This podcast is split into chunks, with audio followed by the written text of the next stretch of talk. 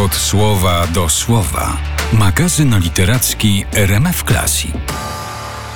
W magazynie Od Słowa do Słowa dziś książka o bardzo intrygującym tytule Fisharmonia snów powiązałka. Jej autorem jest pan Hubert Klimko-Dobrzeniecki, autor powieści, nowel, zbiorów opowiadań, książek dla dzieci i filmów krótkometrażowych. Był wielokrotnie nominowany do nagród Nike, Paszporty Polityki czy Śląski Wawrzyn Literacki. Jego książki przełożono na 14 języków.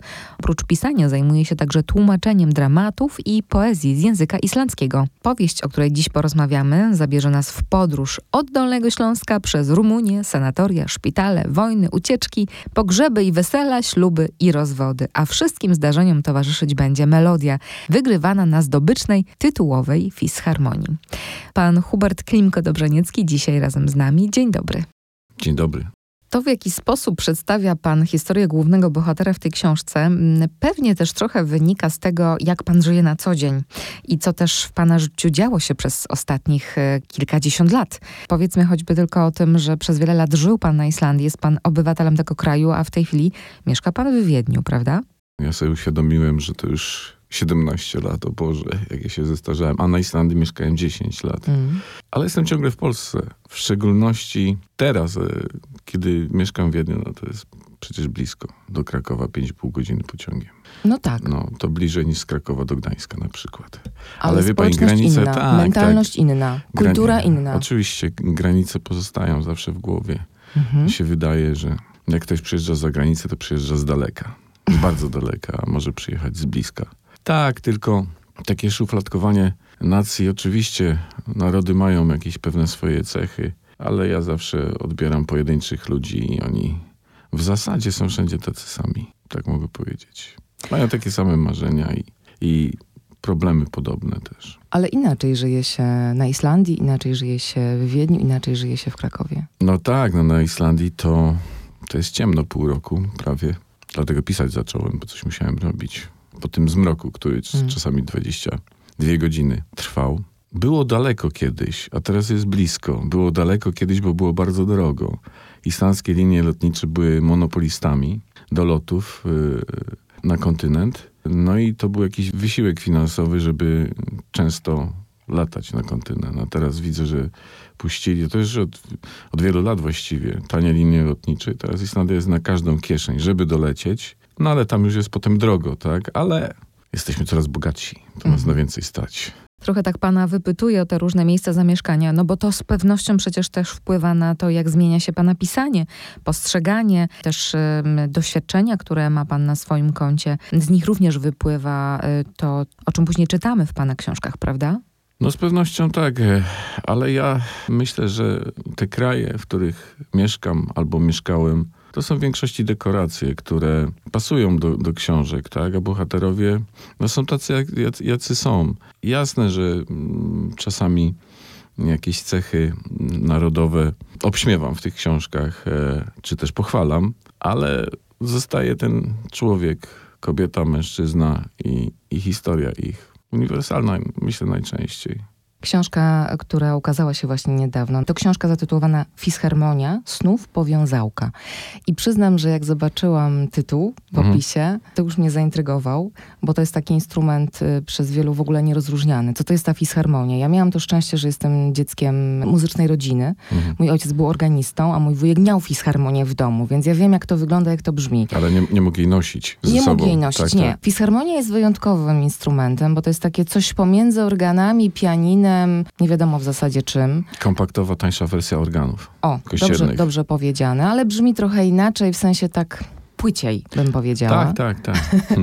Dlaczego znalazła się jako motyw w pana książce? Może zacznę od tytułu Fisharmonia Snów Powiązałka. To jest podtytuł. Kiedyś WW dał taką płytę Sno Powiązałka z myślnikiem. A ja sobie, a ja sobie wymyśliłem to słowo. Myślę, że jest moje, ten neologizm Snów Powiązałka, no bo tam sny bardzo ważną rolę odgrywają w tej powieści. A czemu Fisharmonia?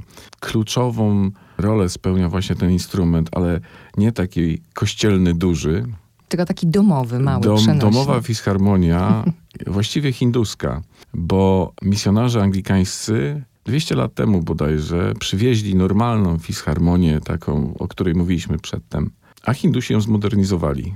To znaczy zrobili małą wersję. Miech nożny jest za, zastąpiony miechem ręcznym i na takiej fisharmonii hinduskiej gra się palcami jednej dłoni, a drugą się porusza miech. I to jest bardzo małe. To jest taki keyboardzik, to można właśnie mm. nosić ze sobą. No i e, dziadek e, głównego bohatera dostaje taką filharmonię w Odessie od e, małżeństwa starego żydowskiego, których e, nie denuncjonuje do, do władz rumuńskich. Rumunii zajęli Odessę i tam straszne rzeczy wyrabiali podczas II wojny światowej.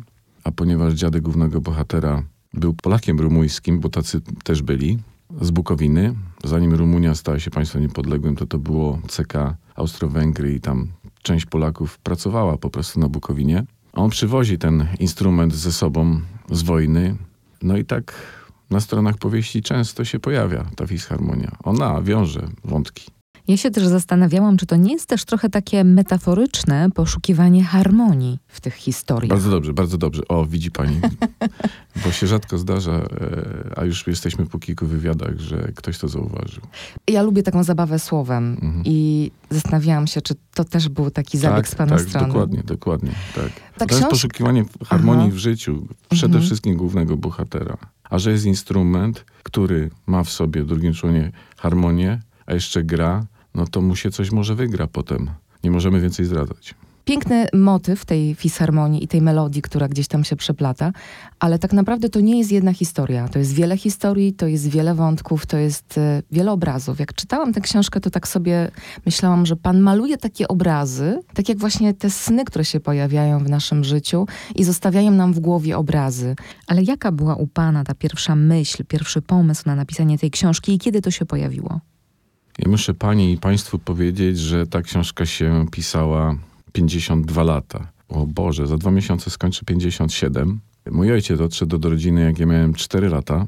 I miałem chrzestnego, którego bardzo kochałem. On był rzeczywiście trenerem piłki nożnej. Miał dużo, spore sukcesy w Dolnym Śląsku. Wielu chłopców, którzy, mm, którzy wyszli spod jego ręki, trafiło do świetnych klubów piłkarskich w Polsce i za granicą. No i kilka lat temu, sześć bodajże, sześć, siedem lat temu, chrzestny zmarł. I przyjechałem na pogrzeb. I była stypa po pogrzebie. I, I stypa, stypa stała się właśnie, no nie wiem, takim cynglem, żeby, żeby zacząć opowiadać tę historię, bo na tej stypie się okazało, że ja mam wielką rodzinę, o której w ogóle istnieniu nie wiedziałem. Oni mnie tam kiedyś odkryli, jak zacząłem książki pisać i nawet jeździli za mną na spotkania autorskie, czy incognito, czy na targi książki. Może mieli wyobrażenie takie, że pisarz to jest jakiś niedostępny snop i tak dalej. Ale myślę, że taki nie jestem. Teraz jesteśmy w bardzo bliskich związkach. No, bardzo bliskich, jeżeli, jeżeli weźmiemy pod uwagę odległość, no to, ale rozmawiamy ze sobą. Nawet miałem telefon już tutaj w Krakowie. Mariusz, mój kurzyn, dzwonił, bo przeczytał książkę. Ponieważ ja im powiedziałem, że będzie coś takiego, no to wiadomo, rodzina zawsze tam ze strachem, bo pisarz obmaluje rodzinę, to będzie coś okropnego. Ale to nie jest tak. To jest na motywach właśnie e, ale jest historii tam sporo rodzinnej. wątków pana biograficznych. Tak, oczywiście. Mhm. Ja, się, mhm. ja, się przed, ja przed tym nie uciekam. Myślę, że każdy autor, który uprawia tak zwaną literaturę piękną, coś siebie daje swoim bohaterom. To jest oczywiste. Psycholodzy o tym do, doskonale wiedzą. I nie, no, ma, nie, z... nie ma przed czym uciekać. A co z tym kuzynem? Miał pretensje czy nie? Nie, mówi, jest w porządku. mówi, jest w porządku. No bo ja całkiem inaczej przedstawiłem tę historię. Bo to było tak, że poznałem ciotkę na tej stypie. A proszę sobie wyobrazić, że ja na przykład nigdy na oczy nie widziałem zdjęcia swojego dziadka od strony ojca. Ta strona mamy była jakoś jasna, bo pochodziła stąd, ze Skawiny, przyjechała na Dolny Śląsk na nakaz pracy tak zwany, czy z nakazu pracy. ja wiedziałem wszystko o dziadkach, ciotkach tych krakowskich, powiedzmy sobie małopolskich, a o tamtych nie wiedziałem nic. A i ta ciotka mi powiedziała, że słuchaj, przyjedź pod Wrocław, ja ci pokażę dokumenty, zdjęcia, bo niewiele, naprawdę niewiele wiedziałem o rodzinie ze strony ojca. A szukał pan tych informacji wcześniej? Szukałem, a to było jakoś dziwnie lekceważone. E, z ojcem był słaby kontakt, także to, co powiedział mojej mamie, to się przestało zgadzać w momencie, kiedy ciotka pokazała dokumenty. No ale ja przeżyłem te, takie, można powiedzieć, taki zachwyt i oczyszczenie też, kiedy ta ciocia wyjęła e, teczkę z dokumentami i zobaczyłem, e, jak wyglądał mój dziadek, jak wyglądał mój pradziadek, też miała zdjęcia. I teraz wiem, do kogo jest podobny nasz najmłodszy syn. Na, na, przy, Mm. na przykład bardzo jest Tak, podobny. bo to tak co drugie pokolenie No właśnie, mm, przenosi trochę. Tak, ja miałem całkiem inne wyobrażenie o nim.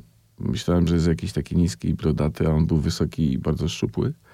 Więc y, te rzeczy złożyły się na to, że postanowiłem y, napisać taką powieść. Co prawda nie jest opasła, bo ma raptem 200 stron, no ale proszę Państwa, czasami 200 stron zajmuje 52 lata. Mm. Myślę, że jest takie to wszystko skumulowane w tej książce i esencjonalne. Od słowa do słowa. Magazyn literacki RMF Classic. Trochę pan teraz nawiązał do takiego modnego ostatnio, mm, myślę, sposobu przyglądania się nam samym, a mianowicie modne staje się mówienie o tak zwanej biologii totalnej. Ja wciąż to słyszę od coachów, trenerów, psychologów. Przyjrzyj się swojej rodzinie, zobacz co tam jest, ulecz siebie. Biologia totalna to jest teraz w ogóle coś strasznie modnego. Te fajne nazwy takie, biologia totalna. Tak. To znaczy, że to, kim byli nasi przodkowie, wpływa na nas dzisiaj i od tego nie ma ucieczki. I żeby zrozumieć siebie, trzeba rozumieć, co się działo we wcześniejszych pokoleniach. To tak skrót myślowy. Mm, bardzo ciekawe. E, chociaż e, ja się nie do końca z tym zgadzam, bo ludzie są nieobliczalni i biologia biologią, ale rzeczy się dzieją poza biologią też. I w tej książce też jest dużo rzeczy No paranormalnych. tak, ale mówi pan o tym, powiedzieć. że to odkrycie przodków było dla pana ważne. Było ważne, bo myślę, że ludzie, którzy wiedzą, kim byli jego przodkowie i skąd są, mają więcej czasu na poświęcenie się innym rzeczom. Mm. No ale jako pisarz e, ja doceniam takie coś. e. No i czuję się w pewien sposób oczyszczony, napisawszy tę, tę opowieść, która przecież nie jest o tej rodzinie. Ona jest, moty- ona jest na motywach tej, tej historii. Ona jest, e, oczywiście tam jest Historia Stypa. rodzinna była inspiracją. tak, oczywiście, to jest inspirowane, ale mamy swoich takich właściwie autonomicznych bohaterów, którzy nie są akurat z tej prawdziwej rodziny. Pan powiedział, że to było oczyszczenie. Oczyszczenie z czego? Oczyszczenie z nieprawdziwych wyobrażeń, tak? Bo ja jako dziecko konfabulowałem, nie znając tych dziadków, babci i, i, i tak dalej. Babcię to akurat znałem od strony ojca, ale dziadek umarł wiele lat przed moimi narodzinami. On umarł, jak mój ojciec był nastolatkiem. No i krążyły różne legendy na ten temat. Dla mnie odkryciem było też to, że w miasteczku, w którym mieszkałem do 16 roku życia, mieszkał stryj, który się całkowicie odciął od rodziny. Wie pani, można się ukryć w małym dolnośląskim miasteczku, tak żeby najbliższa rodzina nie wiedziała, że ktoś taki jest. I o nim też usłyszałem właśnie od tej ciotki. Ale miałem takie zdarzenie kiedyś na cmentarzu, kiedy młodzież właśnie poszukuje korzeni, trochę religia. E, miałem jakieś problemy ze sobą, chyba miałem 16 lat i poszedłem na cmentarz i zacząłem się modlić, bo tam ci dziadkowie pradziadkowie leżą na tym cmentarzu. I to było chyba wszystkich świętych, tak mi się wydaje. Dzień Wszystkich Świętych. I nad grobem zauważyłem, przy grobie zauważyłem e, parę t- takich już ludzi w podeszłym wieku. Tak mi się wydawało wtedy, bo ja chyba jestem młodszy, starszy od nich niż oni wtedy byli. I ten człowiek, który stał z taką szczupłą, niską, siwą panią, spojrzał na mnie i powiedział: Ty jesteś synem tego małego? Ja nie bardzo zrozumiałem. Mój ojciec jest niewysoki, to fakt. Ja mówię: "No Tak, musimy już iść. I poszli. To się okazało, że to był ten stryj. To był raz, kiedy go w życiu spotkałem, a potem się o nim dowiedziałem. Nie chciał dłużej porozmawiać? Nie, no dlatego, wie pani, ja już z, z latami pokornie, nie dlatego, że się starzeję, bo wcale ludzie na starość nie pokornieją. Nie będę tu reklam politycznych robił, ale jest taki pan, który jest y, w podeszłym wieku i, i, i dostał szajby po ostatnich wyborach, bo go nie wybrali. Ale mam więcej zrozumienia, mogę powiedzieć. I nie za bardzo drążyłem tę sprawę, dlaczego się na tym to tak skończyło. Może to się po prostu miało tak skończyć A może to jeszcze nie jest koniec tej historii? Nie, no ona jest w książce. Historii ze stryjem. A, Może on jeszcze wróci. W snach, bo nie żyje, tak? To może wróci w snach. Może coś To- przekaże. To jest możliwe. No to, co przekazały mi duchy, to jest w tej książce. Z duchami jestem pojednany, jeżeli chodzi o książkę. To jeszcze wrócę do tego, jak ona powstawała, bo tu mnie pan zaintrygował. Jak się pisze książkę przez 52 lata? To znaczy, że pan robił sobie już wcześniej notatki, a gdzieś coś szkicował? Czy to jest zbiór tego, co przez te 52 lata się wydarzyło i napisane teraz aktualnie? Pisarze zawodowi, ja do takich się zaliczam, bo ja z tego żyję, z pisania, są ciągle w pracy. Pisze się w głowie, a to, co potem jest na papierze, no to jest tylko efektem tego, co się w głowie napisało. Różnie się ludziom pisze w głowie. Niektórym szybko, niektórym wolno, niektórym bardzo wolno.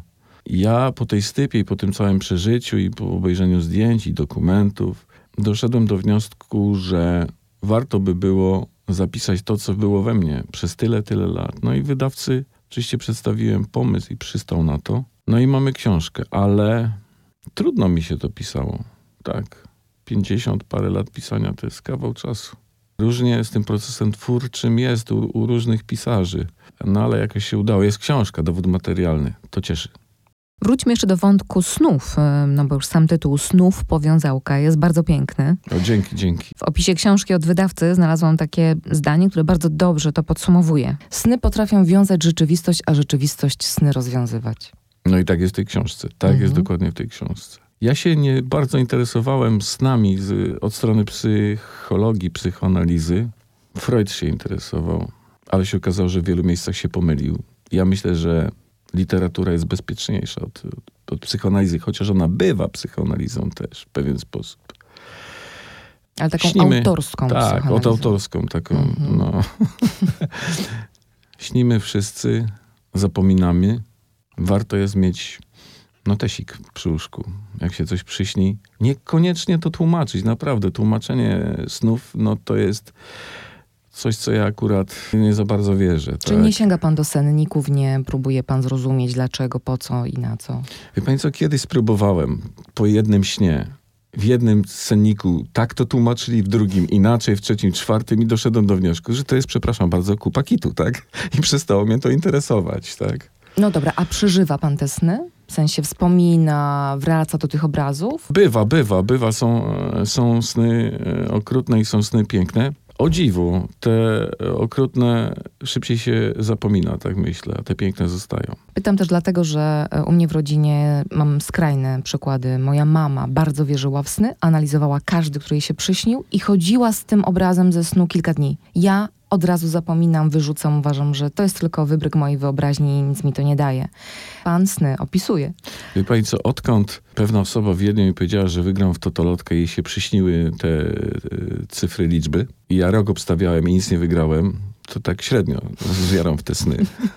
Zresztą, wie pani, jakbyśmy, jeżeli to by była prawda, te przepowiednie snów, powiedzmy sobie o lotto, tak, to by kolektory zamknęli. Także trzeba uważać. Wracając jeszcze do książki Fisharmonia, oczywiście nie będziemy zdradzali, o czym ona jest, ale z jakim, z jaką myślą, z jakim przemyśleniem chciałby pan, żeby czytelnicy zostali po tej książce? Przekaz jest dosyć prosty, żeby ludzie za bardzo nie drążyli, żeby przyjmowali po prostu czasami rzeczy takimi, jakimi są po prostu. Bo można się nieźle przejechać, że tak powiem, i, i, i mieć problemy ze sobą, jeżeli zaczyna się za bardzo dążyć pewne rzeczy. Trzeba dać rzeczom i ludziom żyć po prostu. Mm. Ja bardzo Państwu polecam tę książkę, Fisharmonia Snów Powiązałka. Hubert Klimko-Dobrzaniecki jest autorem. Wydawnictwo Noir sur Blanc. Tak jest, czarno na białym. Bardzo ciekawe historie, bardzo pięknie powiązane, nieoczywiste i nie takie podane na tacy. Trzeba trochę się wgryźć w tę książkę, żeby poczuć i zrozumieć. No, cieszę się i mhm. polecam. Ale to jeszcze nie koniec naszej Taka. rozmowy, jeżeli pan pozwoli, um, bo rozumiem, że już tworzy się coś nowego, ale teraz, czy to będzie książka dla dorosłych, dla dzieci, czy to będzie film? Co pan teraz Muszę pani i państwu coś powiedzieć. Y, myśmy z Grzegorzem Kazdepkiem wydali zbiór opowiadań w tamtym roku, Królik po islandzku. To nie jest książka kucharska, jest to właśnie zbiór opowiadań, kiedy dwóch facetów po pięćdziesiątce opowiada o, o życiu, prze, przeżyciach poprzez potrawy. A przepisy czasami jadalne albo niejadalne są na koniec, jako bonus. Grzesiek jest bardzo znanym pisarzem literatury dziecięcej i młodzieżowej. Świetny jest po prostu. I to było czasami tak, jak jeździliśmy z królikiem po islandzku, że on rano miał spotkania z dziećmi, a wieczorem mieliśmy spotkania dla dorosłych. Więc ja widziałem te dzieci yy, uradowane, które od razu zadają pytania, które są aktywne. A potem przychodził wieczorek autorski dla dorosłych, kiedy ci dorośli byli zestresowani i się wstydzili i tak dalej. Ja 13 lat temu wydałem książkę dla dzieci pod tytułem Banksy, co znaczy po islandzku miś, miś do kochania. Ona wyszła w bardzo małym nakładzie.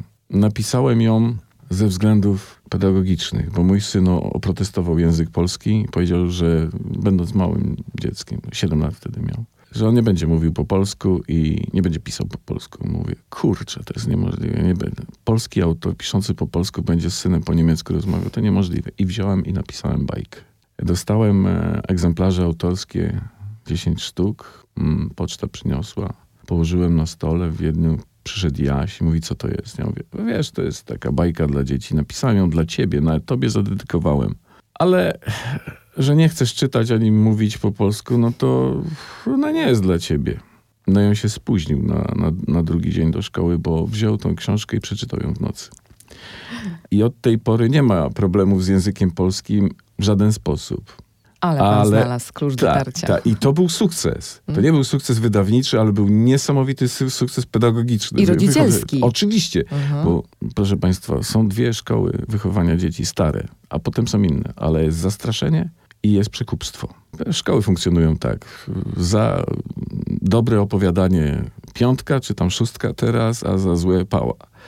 No i ja poszedłem w stronę przekupstwa, oczywiście żartuję, ale to jakoś się udało. Ja bym powiedziała, że wpłynął pan na ambicje po prostu. No tak, tak, tak. Ale Dzieciaka, tak, oczywiście. A on podjął to wyzwanie. Tak, jeżdżąc tym krolikiem po islandzku i z Grześkiem, on wiedział, że ja wydałem kiedyś tak, taką książkę i słuchaj, może by warto ją wznowić. No jestem teraz w Krakowie z dwoma y, rzeczami, mogę mm. powiedzieć. Z Fisharmonią i z wznowieniem już w nowym wydawnictwie, z nowymi ilustracjami świetnymi y, Magdy Kozieł-Nowak, wydawnictwo Literatura z Łodzi. I mamy nowego Banksiego, i też teraz dopiero odpowiem na to pytanie. Jestem, e, piszę nową książkę e, mhm. dla dzieci, bo jakoś mi się to spodobało. Ja nie zostawię, broń Boże, dorosłych, bo to jest główna, główna moja działalność twórcza, ale dla dzieci coś będzie, więc to teraz robię. A jeżeli chodzi o, o dorosłych, to proszę Państwa, tutaj chciałem powiedzieć, że ja swój debiut literacki miałem 31 grudnia 1999 roku, wbrew temu, co piszą wszystkie jakieś internety, Wikipedie i, i Instytut Badań Literackich, to jest wszystko nieprawda. Ja wydałem pierwszy tomik poezji na Islandii, po islandzku, właśnie prawie ćwierć wieku temu. A ponieważ jestem też stałym felietonistą e, Pisma Odra od 13 lat, postanowiliśmy z wydawcą wyselekcjonować i zebrać te teksty, update'ować je, jak to się brzydko mówi. I za rok, no może trochę za rok z hakiem, będzie książka złożona z tych tekstów. A potem jeszcze inna. Będzie Sylwa Literacka o Wiedniu. Także mogę o tym mówić, dlatego że podpisaliśmy umowy miesiąc temu z Noir Sublon i, i będą dwie następne rzeczy dla dorosłych. To myślę, że pana czytelnicy już się cieszą. Ja jeszcze muszę zapytać, przepraszam, ale Syn mówi po polsku? No jasne, jasne. Czyli zabieg się udał i efekty są. Teraz już rozumiem, skąd tyle ciekawych opisów kulinarnych w Fisharmonii, skoro ten królik po islandzku był. A bo ja, ja jestem gotujący, tak, ja A, jestem no gotujący i myślę, że kuchnia to jest bardzo ważna część w ogóle kultury społeczeństw, narodów. I ja, no jestem głównie gotujący, ale muszę pani powiedzieć, że żony mówią, że z tymi facetami, co się gotuje, najlepiej się żyje. To prawda, to prawda. Ja też mam takie doświadczenia. To teraz muszę pana trochę podpytać, skoro pan jest gotujący. Taka jesienna pora jak teraz, wszyscy potrzebujemy czegoś takiego energetycznego, rozgrzewającego, pobudzającego. To jeden przepis albo potrawa polska, jedna islandzka. Ja wiem, że wielu ludzi teraz od mięsa odchodzi. E, ja też coraz mniej jem, ale jest jesień i coś rozgrzewającego dobrego, proszę Państwa, bo dynie wróciły do łask w Polsce. Zupa dyniowa z cząstkiem, z kurkumą i z olejem koniecznie dyniowym. A w Krakowie możecie sobie Państwo kupić dobry olej z pestek dyni z Austrii, bo tam mają najlepszy. Zresztą przywiozłem butelkę teraz ze sobą. To jest zupa dyniowa. To jest bardzo prosta rzecz. Najlepiej sobie kupić dynię Hokkaido ją się piecze ze skórką. Potem czosnek, kurkuma. Blendowanie. Blendowanie, tak. Bulion warzywny też. Mm. Doprawić jak się chce. I mamy świetną, rozgrzewającą rzecz jesienną. A dla mięsożerców, no niech będzie ragu z y, jeleniny. To też jest y, dostępne teraz. Można kupić mm. dziczyznę. Dużo, dużo czerwonego wina wytrawnego, dobrego wlać. Bo proszę Państwa, w gotowaniu to nie jest tak, że dzieli się wino na gotowa, do, do gotowania i do picia. Zawsze wlewamy najlepsze wino do potrawy. To nie jest tak, że gorsze dajemy. Dajemy to samo, co pijemy, czyli dobre. A z islandzkich przepisów? Potraw? Co tam się jada teraz jesienią? Jesienią, no tak, sezon na dorsza się rozpoczyna, Mhm. więc y, dorsz. Oni swoją kuchnię mieli bardzo ubogą zawsze i oni głodowali y, przez wiele wieków. A teraz jest kuchnia światowa, tam można wszystko kupić, jest bardzo drogie, ale nie ma problemów. Moja żona była w Reykjaviku chyba rok temu i mówiła, że takich pięknych i świeżych owoców to ona nie mogła kupić w Wiedniu. Także samoloty wszystko zewsząd dostarczają. Jagnięcinę się jada. Wiem, że w pewnym momencie młodzież islandzka odeszła od ryb, bo im się to z biedą kojarzyło i z rodzicami, ale teraz powracają, bo to jest najlepsze. Najlepsze. Prosta rzecz. Filet z dorsza w sosie cytrynowo-maślanym z, z ziemniakami z wody. To jest pyszne, takie proste. Często pan wraca na Islandię? Czy tylko zawodowo? E, ja jestem cały czas jakby z Islandią połączony, bo ja recenzuję książki Mhm. islandzkie. Ale to We- można robić online. Wewnętrznie, tak, czytam. Z językiem chyba jak, jakoś jeszcze nie- kontaktu e, nie straciłem. Jestem z tym na bieżąco. Gadamy ze znajomymi też przez telefon po islandzku, jak się da. No trochę mi to umiera, tak, bo jak się żyje, to, to na miejscu to, to lepiej wszystko przychodzi, ale tutaj coś Państwu powiem. Jak mi Właśnie. kiedyś dadzą Bookera, to będzie podwójna dedykacja dla Polaków i dla Islandczyków, O. bo jestem obywatelem. I jakoś w pewien sposób cały czas się bardzo blisko czuję związany z tą wyspą. To jest niesamowity kraj. Udało mi się tam być e, przez chwilę, zwiedzić turystycznie. Natomiast język dla mnie totalnie nie do ogarnięcia. Szybko się pan nauczył islandzkiego? Ja tam pojechałem na studia, na filologię islandzką, więc miałem to w zamiarze, ale wcale nie tak szybko. Dlatego zacząłem pracować w domu starców. I nie jak można przeczytać w internecie czy gdzie indziej, że tam pojechał tam za pracą. Nie, nie.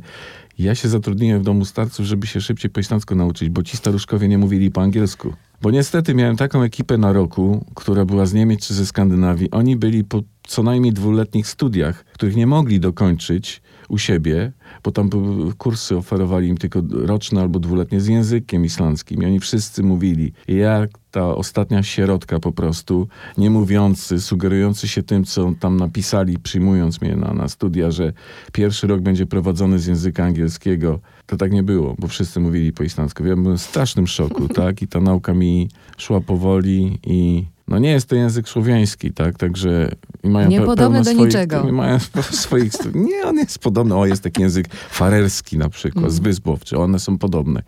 Islandzki. Ale jak się zna trochę islandzki, to swobodnie można czytać po szwedzku, po norwesku i po duńsku, bo tam się deklinacja skończyła, a Islandczycy dalej przez przypadki odmieniają. Oficjalnie jest ich cztery, ale nasz profesor Jon udowodnił, że jest pięć. Bo powiedział, o Jezu, ale o co chodzi? A co ja teraz powiedziałem? Wołacz, wołacz. A wołacz po islandzku się, proszę Państwa, nazywa Katlandi. O, jak ładnie. katla to jest wołać. A jak jest fisharmonia po islandzku? Pewnie tak samo myślę. Jeszcze nie sprawdzałem, tak? No, ale harmonia, harmonika, oni mają takie słowa, tak? To chyba nie wymyślili coś swojego na, na ten instrument. Ale na przykład radio po islandzku nie jest radio albo coś, tylko jest utwarpit. Trudne. Tak. A mają takie Telewizja zdania, jest sjónvarpit. A mają takie zdania, jak my mamy w języku polskim, trudne do wypowiedzenia, typu stół z powyłamywanymi nogami, czytata, czyta, cyta, tyta, cyta i tak dalej? No, mają, oni mają też takie kompandy jak Niemcy, jeszcze dłuższe. Mhm, I to jest okropne, ale jak się to rozbierze na czynniki pierwsze, to jest logiczne nawet. okej. Mają, mają takie słowa takie po, po my 20. Wyindywidualizowaliśmy się z rozentuzjazmowanego tłumu? Może aż tak źle nie jest, ale, ale oni mają pełno takich dźwięków, które nie występują w języku polskim, przydechów i tak dalej. I ja nie wiem, jaki, jakie kto by miał ucho przyjezdny, to myślę, że nie jest w stanie, nie będąc dzieckiem, nie będąc dwujęzycznym, perfekcyjnie mówić po islandzku. Tam się trzeba urodzić. Tak myślę. Przepraszam, ale ja muszę o to poprosić. Czy mógłby pan kilka zdań po islandzku, zapraszając naszych czytelników do sięgnięcia po najnowszą pana książkę? Nie, nie będę mówił po islandzku. Dlaczego? No bo mamy polską Ale książkę, to taki tak? piękny język. Ale powiem, y, że to jest taka inlega a vera hier. Powiedziałem, że dziękuję bardzo y, za to, że mogłem tutaj być. Bardzo dziękuję również, że przyjął pan zaproszenie do studia RMF Classic na tę rozmowę. To była dla mnie ogromna przyjemność. A co z tymi filmami? Wraca pan też do jakichś działań filmowych? Ja cały czas jestem z filmem jakby związany. Ostatnio byłem konsultantem y, scenariusza. Mam nadzieję, że film powstanie Kingi Dębskiej. Na razie jest odłożony do zamrażalnika, ale już scenariusz jest. No to dzieje Także- się. Proszę obserwować, śledzić, googlować, klikać w internecie. Wszystko pewnie się pojawi niebawem. Tymczasem sięgamy po książkę Fisharmonia, Snów Powiązałka. A kto uczestniczy teraz w targach książki w Krakowie, to będzie miał przyjemność również na żywo jeszcze z autorem się spotkać, bo pan pewnie na targi teraz biegnie. Teraz jedziemy tak podpisywać. Zanim ta rozmowa Tak. ukaże się w naszych mediach, to pewnie już będzie po wszystkim, ale może jakieś Ale proszę Państwa, mnie można zawsze na ulicy zaczepić i też podpiszę. Bardzo dziękujemy za to zobowiązanie i obietnicę. Pan Hubert Klimko-Dobrzeniecki był naszym gościem. Serdecznie dziękuję. Dziękuję Pani i dziękuję Państwu. Od słowa do słowa. Magazyn literacki RMF Classic.